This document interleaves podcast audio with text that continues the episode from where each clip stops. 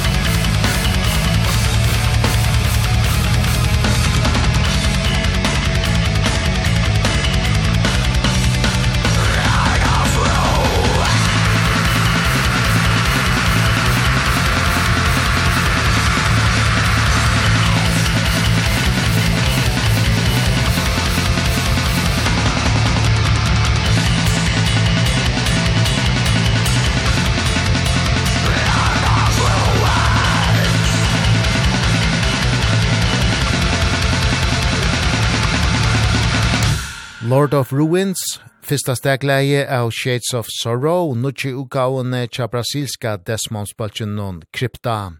Onnur utgava torra ver tøk, 4. august. Debutgavan tja krypta Echoes of Soul ver utgiven i 2021 ta koronafarsøtten herjeie oppa sutt herrastam og høyast her i krypta ikkje kunde færa av konsertfer og reklamera fire Echoes of Soul, så selte hon vel. Hon rakk middelen anna eit 55. plass av tyska albumlistanon og eit 15. plass av amerikanska hard music albumlistanon. Fernanda Lira og Hinar i krypta høyde altså ikkje rokna vi hese gau motøkne. Not at all. I mean, we work, we put a lot of work and effort into promoting Echoes of the Soul even though we could not tour uh we just adapt uh adapted to you know like what we saw other bigger bands were doing like doing lives and Q&As and and you know like posting a lot of video content to bring the you know like the fans closer to us since we could not be closer to them uh in the regular show environment. So we did a, everything we could do online to keep promoting the album like lots of playthroughs and videos on on the album and on the lyrics and everything. So I think this adapting to this new reality back then and being very active on social media, I think it contributed a lot. But overall, I think when actually we started touring, that's when we got the bigger picture and saw we're able to see, you know, like how big our, our fan base was and uh, all the real feedback you know the internet's nice but you don't really get to know the feed feedback from the real world. So when we started touring that's when we actually saw how cool and great things were going. But definitely we were not expecting. I mean we were we put a lot of effort and work again on on echoes of the soul. We did our best to promote it. And whenever you do that you expect something back right? but we definitely didn't expect it would be things would go so fast with crypto. You know like it it it still it still surprises a lot to be honest. Like we still sometimes get to a show where we don't know how it's going to be. Like we're playing a new country for us or and we don't know how it's going to be and there's lots of people in the show and like people buy merch and people singing the songs. That this is something that's been happening a lot and still one sees to amaze me. So yeah, it's been just great. We we we were expecting to get such nice feedback eventually, you know, like because of the hard work and touring extensively, but it it's it all happened way faster than we were expecting. And we we were so we're still so happy about it. We keep on working a lot, but it makes it all easier to know that there's people out there to support you, you know.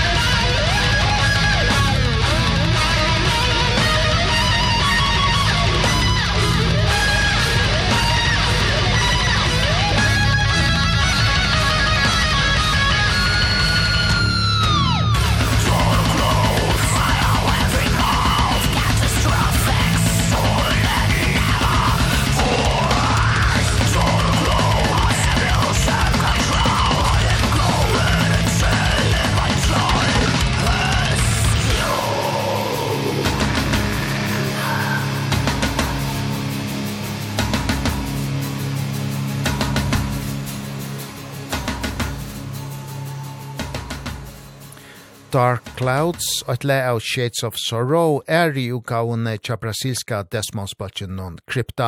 En utgava møveløy vera dogna ser 4. august. Fyrru jar vore ter ui krypta av bredanon ui fløyre tuinda sendingon. Bøkeren vera amerikanskare konsertfer saman vi Morbid Angel og i samband vi eina konsert i Belvedere i Illinois i mars rakti ein tornado etla melderøden bojen og tætje av konserthusen non Apollo Theater Rive stått etter at her i krypta vore farnar av Patle. Hurluvese valdeie, ein ahøyrare lad loiv og 28 vore løsteier. Fernanda Lira var mitt ur råkanon, og hon var som vera man kjelka av tilbornon. Uh, that was the most traumatic, saddest experience I have ever had to go through in my whole life. It was so shocking. Like, you never think you're going to have to face such a thing, you know, like when you're touring. Like, we don't have tornadoes in Brazil.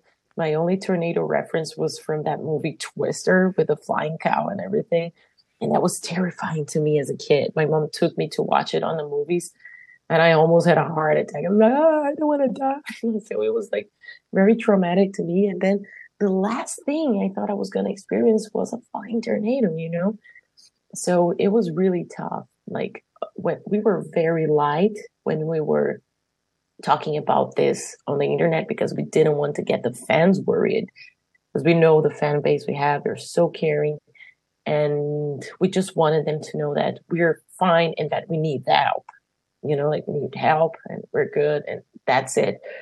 But there are some gruesome details there's some excruciating and heart-wrenching details.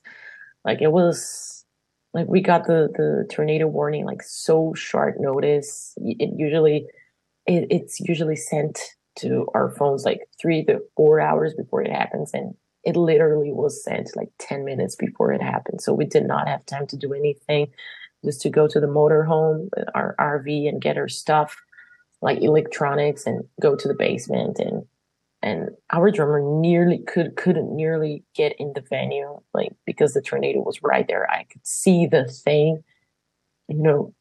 And then we went to the basement like lights out alarm sounding and that time like the whole building shaking that time that's when I thought I was going to die and I really did because it was terrifying. And then you know like when it all passed we heard some fans screaming. We didn't know like the roof had collapsed on the fans and then some fans like covered in blood went to the basement and, and we were like oh damn like something bad happened. And then the guys went there saw the roof had collapsed on people. They were like us from the bands like the guys from the bands they were helping like taking the debris from from over the fans you know like it was it was terrifying. And then to know that a fan died that was the absolute worst. That's something i i really hope no one ever has to go through because it's like the last thing. I don't think it's even the last thing. You just will never think that someone's going to die at your show. Like that that's not one thing you you plan you have in mind when when you become a, touring musician. Like you never expect this is going to happen. And knowing it did uh it was heart wrenching it was so so so sad. And but well we we were except for this uh fan that sadly lost his life like many other ones were injured but you know like there were fundraisings to to fundraisers to to help you know like all their families and everything. But us from the bands and crew we were intact we were safe and sound and and our instruments were safe and sound so we could move on on the tour. Cuz cuz I refused to have that memory as the last one for the tour. It was such a cool tour and then we we're like no let's move on because i'm sure like the guy who died would love us to move on you know like so so we did. We as a family we healed and moved on as best as we could. And then but on the on the positive side i think it was a beautiful thing for me um was trying to take something good out of this horrible experience is that it definitely renewed my love for metal you know like because I felt like because everyone helped us with our RV situation because it got destroyed insurance refused to pay and blah blah blah. And we got like $60,000 in like 24 hours with the help of our friends and uh I think uh, of our fans. And I think that renewed my love for metal. It was like it doesn't matter how bad life goes metal is always going to have my back you know so that was a beautiful beautiful lesson out of everything. And also after that traumatic experience we've all changed. No one is the same person as they were before that night. I'm sure about that. No one that was there on the tour. But to me it really changed something like it clicked something in my brain. And now i just want to live you know like i i just want to live cuz like for some seconds when i was down there in the basement and i hope and build building was shaking and we were in the dark screaming. I really thought i was going to die. You know i was like okay it's been a good life. But then after that i'm like yeah i need to leave. To i need to enjoy life you know like so these were the very positive things that came out of that horrible situation. But that was traumatic as fuck. I i wish no one ever has to go through anything like that. It was terrible.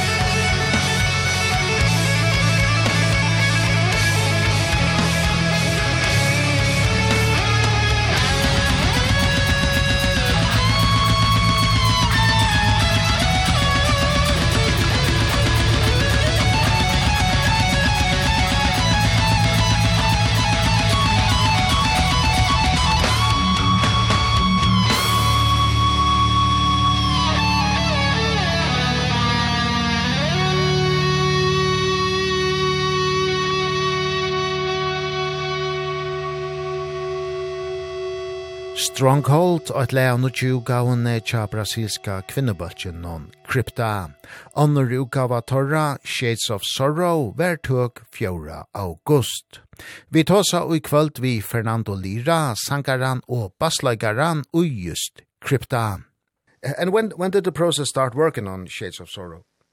I think a little after we released uh, Echoes of the Soul, we already started working on shades of sorrow because I was thinking that um we would still be for a long time in the pandemic. At least that was what was looking like you know back then.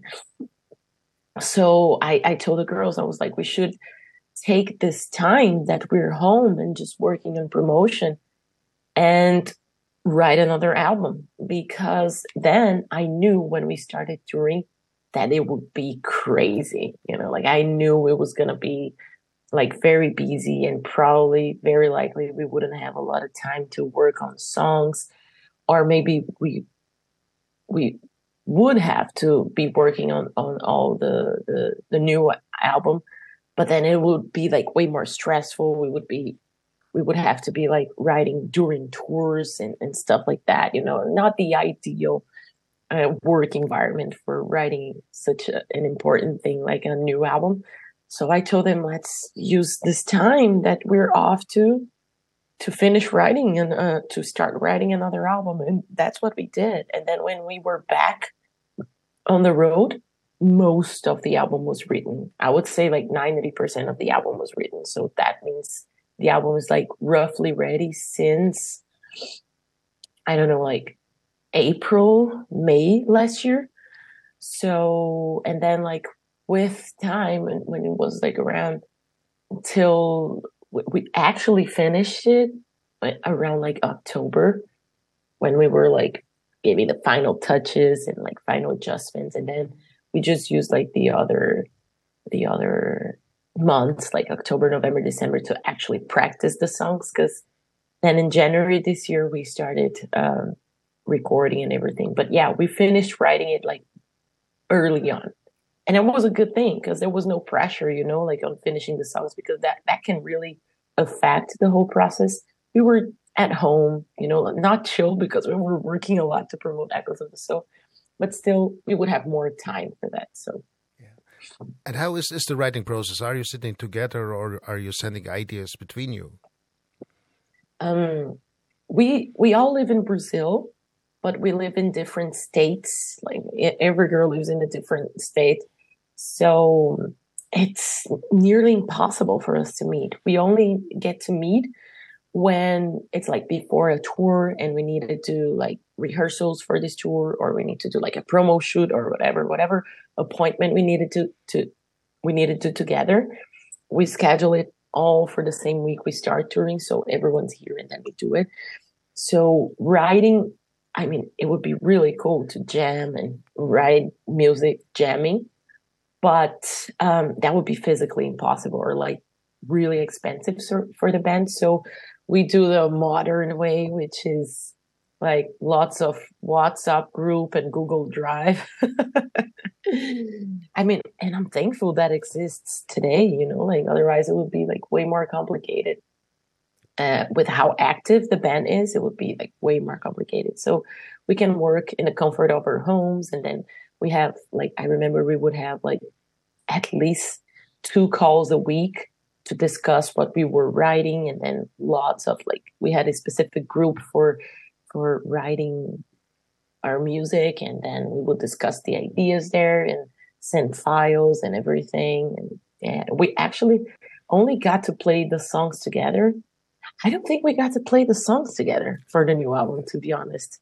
Just a couple of them when we were like practicing for uh, practicing for recording the video clip, but well, we all practice at home and yeah. That's how we do it. That's how you got to do. Yeah, yeah. You know like Jessica Di Facci er nødgjør gitarleikari ui krypta. Hon avlasti i fjør Sanjo Anubis. Største parteren av toneløgjen noen A Shades of Sorrow var langt skriva vår ta Jessica kom og i. Hauast dette hever gitarløygaren sett så inn i fingramerskje av utgavene, helder Fernanda Lira. And Jessica, she is new in the band. Uh, what is her role on the new album? Was she in the, in the process or did you come after?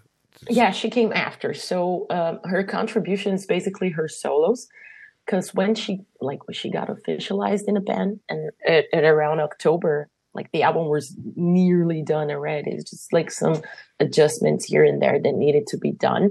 So as soon as we finished the songs she was like we were open to get her feedback and do some adjustments here and there but she was happy with how the songs were and she decided to focus on what would be her like real window of you know like opportunity to sh showcase her talent and her skills which were her solos. So so she decided to focus like basic basically on the solos and that's what she did. Um and it's fine you know like we just wouldn't have the time to revisit every song with her and she was fine with that. But next album if everything goes right the four of us are going to be contributing because like the writing process for crypto is very democratic. So there's not one even song where like it's just one person writing. That doesn't happen. That every song has everyone's ideas literally. So and i think that's why the music is kind of varied. Like the songs are varied because it's just like a big cauldron of different influences and ideas. It's like everyone contributes at least a tiny beat on every song.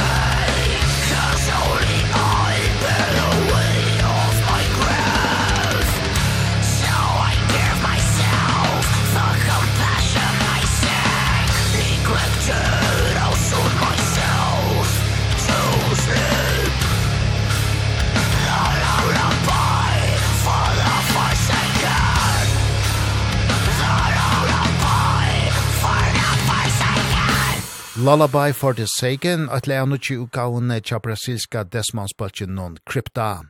Onur ukawa torra, Shades of Sorrow, ver utgiven 4. august. Teir Fernanda Lira som skriver atlar tekstene tja krypta, og iblasteren til nukki utgavene hever hun funnet i eldre dagboken Søynon.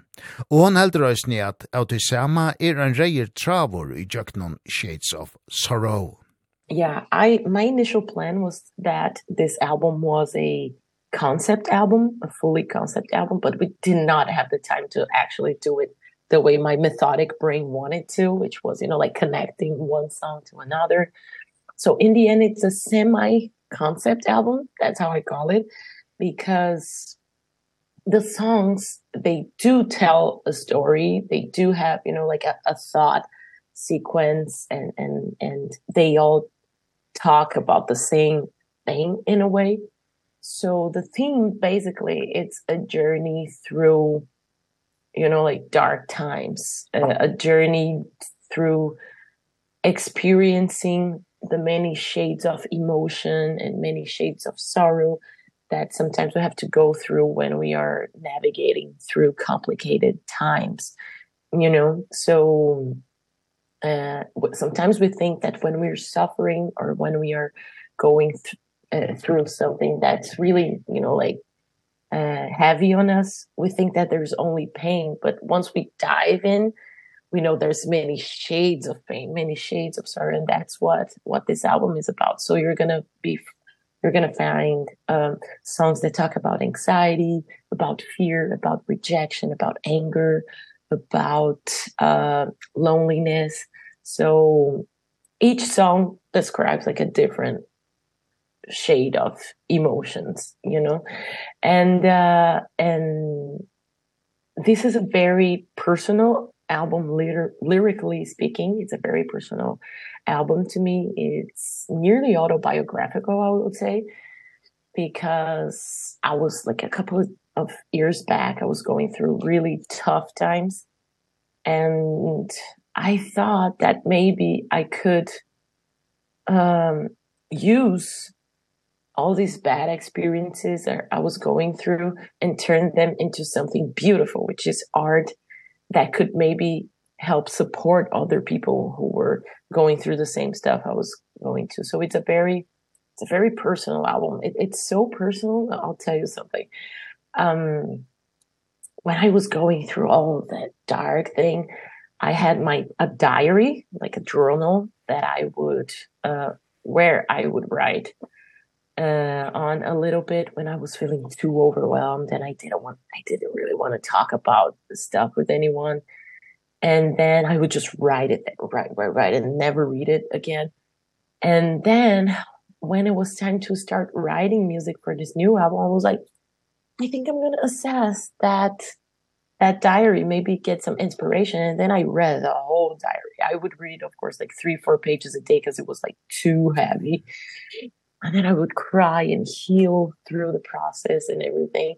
So basically in some lyrics of the album most of the lyrics that are phrases that were in my diary. I just literally translated them from portuguese to english. So that's how personal this this new album is. But still um although it's very personal, I depict um many emotions that are basically you know like that everyone has or might or will experience throughout their life you know like so that's why i thought i was like okay maybe i'll i'll heal from transmuting all this pain into art but maybe i it you know like it can help support other people who are going through this. I know that cuz that happened to me when i was listening to other artists albums you know like um so i thought maybe and i'm very happy with the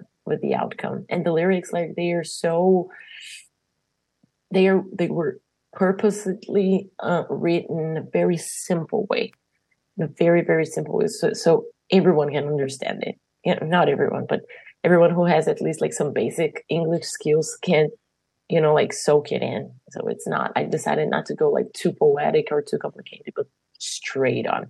Because I I again like I feel like the lyrics were a part of my my journal. And when you are like journaling you're not. You don't want to be like too you know like polished. You just want to let it all out. So that's the idea.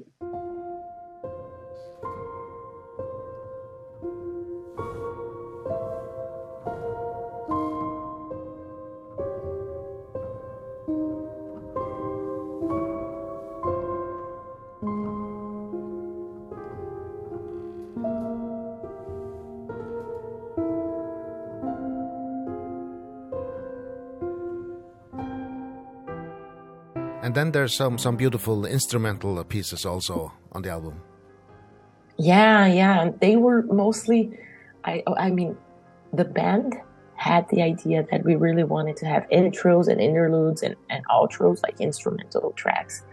And Luana came our drummer came with most of those melodies and then we adjusted them to the concept of the album. So basically the first one it's it's more like a little bit more dramatic. Like it, it's kind of creepy because it's it it should be that state that okay you've been through you know a, a lot of things. Now you don't know what's the aftermath of everything you you went through you know like a traumatic experience. Like you don't know if what are the consequences you know like so you're kind of afraid you don't know. So that's the vibe of the aftermath.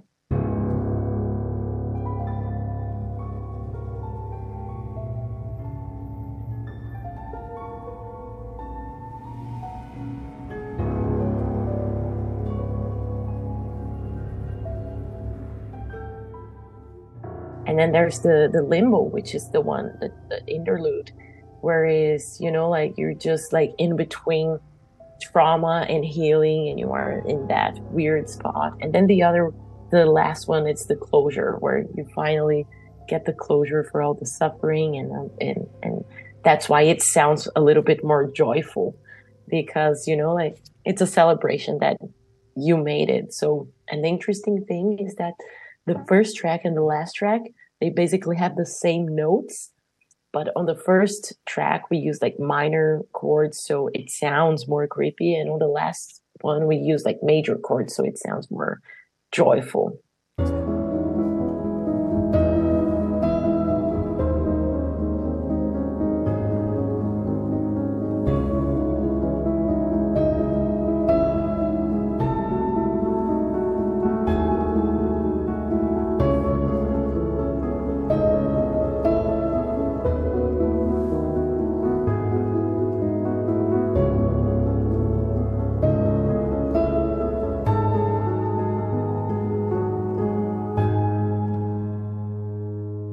Instrumentala The Closure er senaste leie av nutje utgavene tja brasilska desmonspaltjen non krypta. Shades of Sorrow ver utgiven 4. august. Ta er og nekrar av tungodronsjen non som hava steg i fire mixingene og masteringene av i er i utgavene tja krypta, nevnelig Daniel Bergstrand som hever mixa og Jens Bogren som hever mastra. Og gesteren i kvöld, Fernanda Lira, er sera vel nøgt vi urslite tja svensko jo teknikaren I think it's always important, but that's my personal point of view. Of course, I'm always open to to working with like uh new producers and everything, but since like apparently we can never get like a proper schedule because every time we're in the end we're going to have to rush for some reason I don't know there's always like little delays here and there. So I think because of this it's very important to work with highly experienced people because you know they're going to be fast you know they're going to deliver a good work you know? Like even if it's not close to what you want you know there's this safety that everything's going to be right because they're highly uh, experienced. So i think it's very important to have these big names and and and also I think it's very important for like promoting the album. I think having these these good um this like big names, I think it's important to service also also like good credentials for the album, you know, because like you know if those guys are involved, it's not going to sound bad. So I think it's it's good promotion, it's good credentials for for the album. And um there are a couple of things we would change in the mix here and there but i think that's mus musicians stuff. Like we always think it could have been like something else. And with the master it's the second time that we work with Jens Bogren and he's amazing. You know like he's really really good. And uh fast worker super nice. Like he's is yeah he's he's one of a kind. And um and you can't go wrong with him. He's like he's he's one of the biggest you know like so it was really really cool having them. And also not to mention our producer not to forget mentioning our producer. Um it was the first time we work we worked as a band with him. I had worked with him with him in other projects like many many times. And he was so good. His name is Rafael Lopez and he's Brazilian and wow, what a nice job he did. Super patient and everything. It was really really good. Og Fernanda Lira ser òsni an tónlaga lia av Shades of Sorrow og debutgavene Echoes of Soul som var utgiven i 2021. Oh yeah, I think uh, although I love Echoes of the Soul and everything it it's brought to us as a band, I think Shades of Sorrow is a more mature album that's the word I want to use mature. It's not better or worse it's it's more mature. I think that not only we evolved a little bit on our skills as as musicians but also I think we kind of found what we like in terms of like ways of writing music you know? I think on Echoes of the Soul it was a blank page you know? Like we could do whatever we wanted so we were experimenting many different genres in metal and and and you know like on the extreme side of metal. And uh, it sounded more old school and everything which is good. I like it. But still we were trying to find what what is the crypto sound? What what crypto sounds like? What is the essence? And in shades of sorrow we already knew what was the essence because we knew you know like what fans liked what fans didn't like what were what were the things that really worked live you know like so we just took these elements identify them as you know like the essence of crypto like uh, melodies followed by more aggressive faster parts and everything and we kept them for the new album and then we from there we experimented lots of other stuff and and everything but from there you know so i think this album it's still crypto but it, i think it's more mature because now we know what how we want to sound.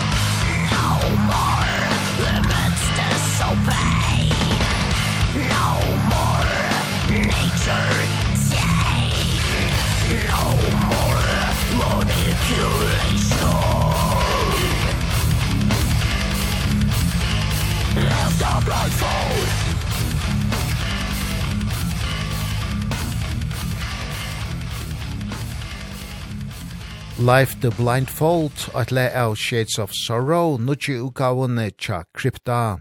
Brasilske kvinnebalkeren kom 4. august vi eru ukavo søyne. Nu er Shades of Sorrow tøk, og framtøyen tja krypta ser bjørst ut, og der hava omikje agera kommande are, stafestor Fernanda Lira.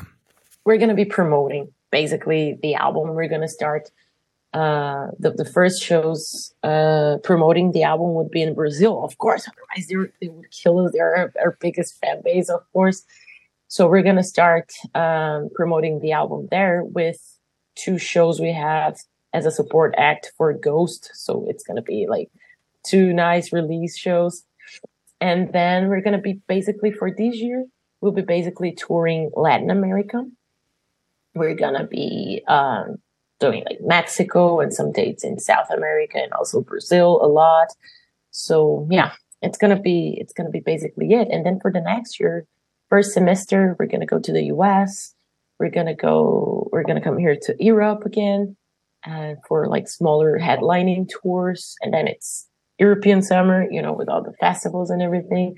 So next year it's looking like it's going to be a very busy year. You know, we got to do what we got to do to promote the new album. So basically, lots of touring, getting our music, our art to as many people as possible around the globe and live our dream.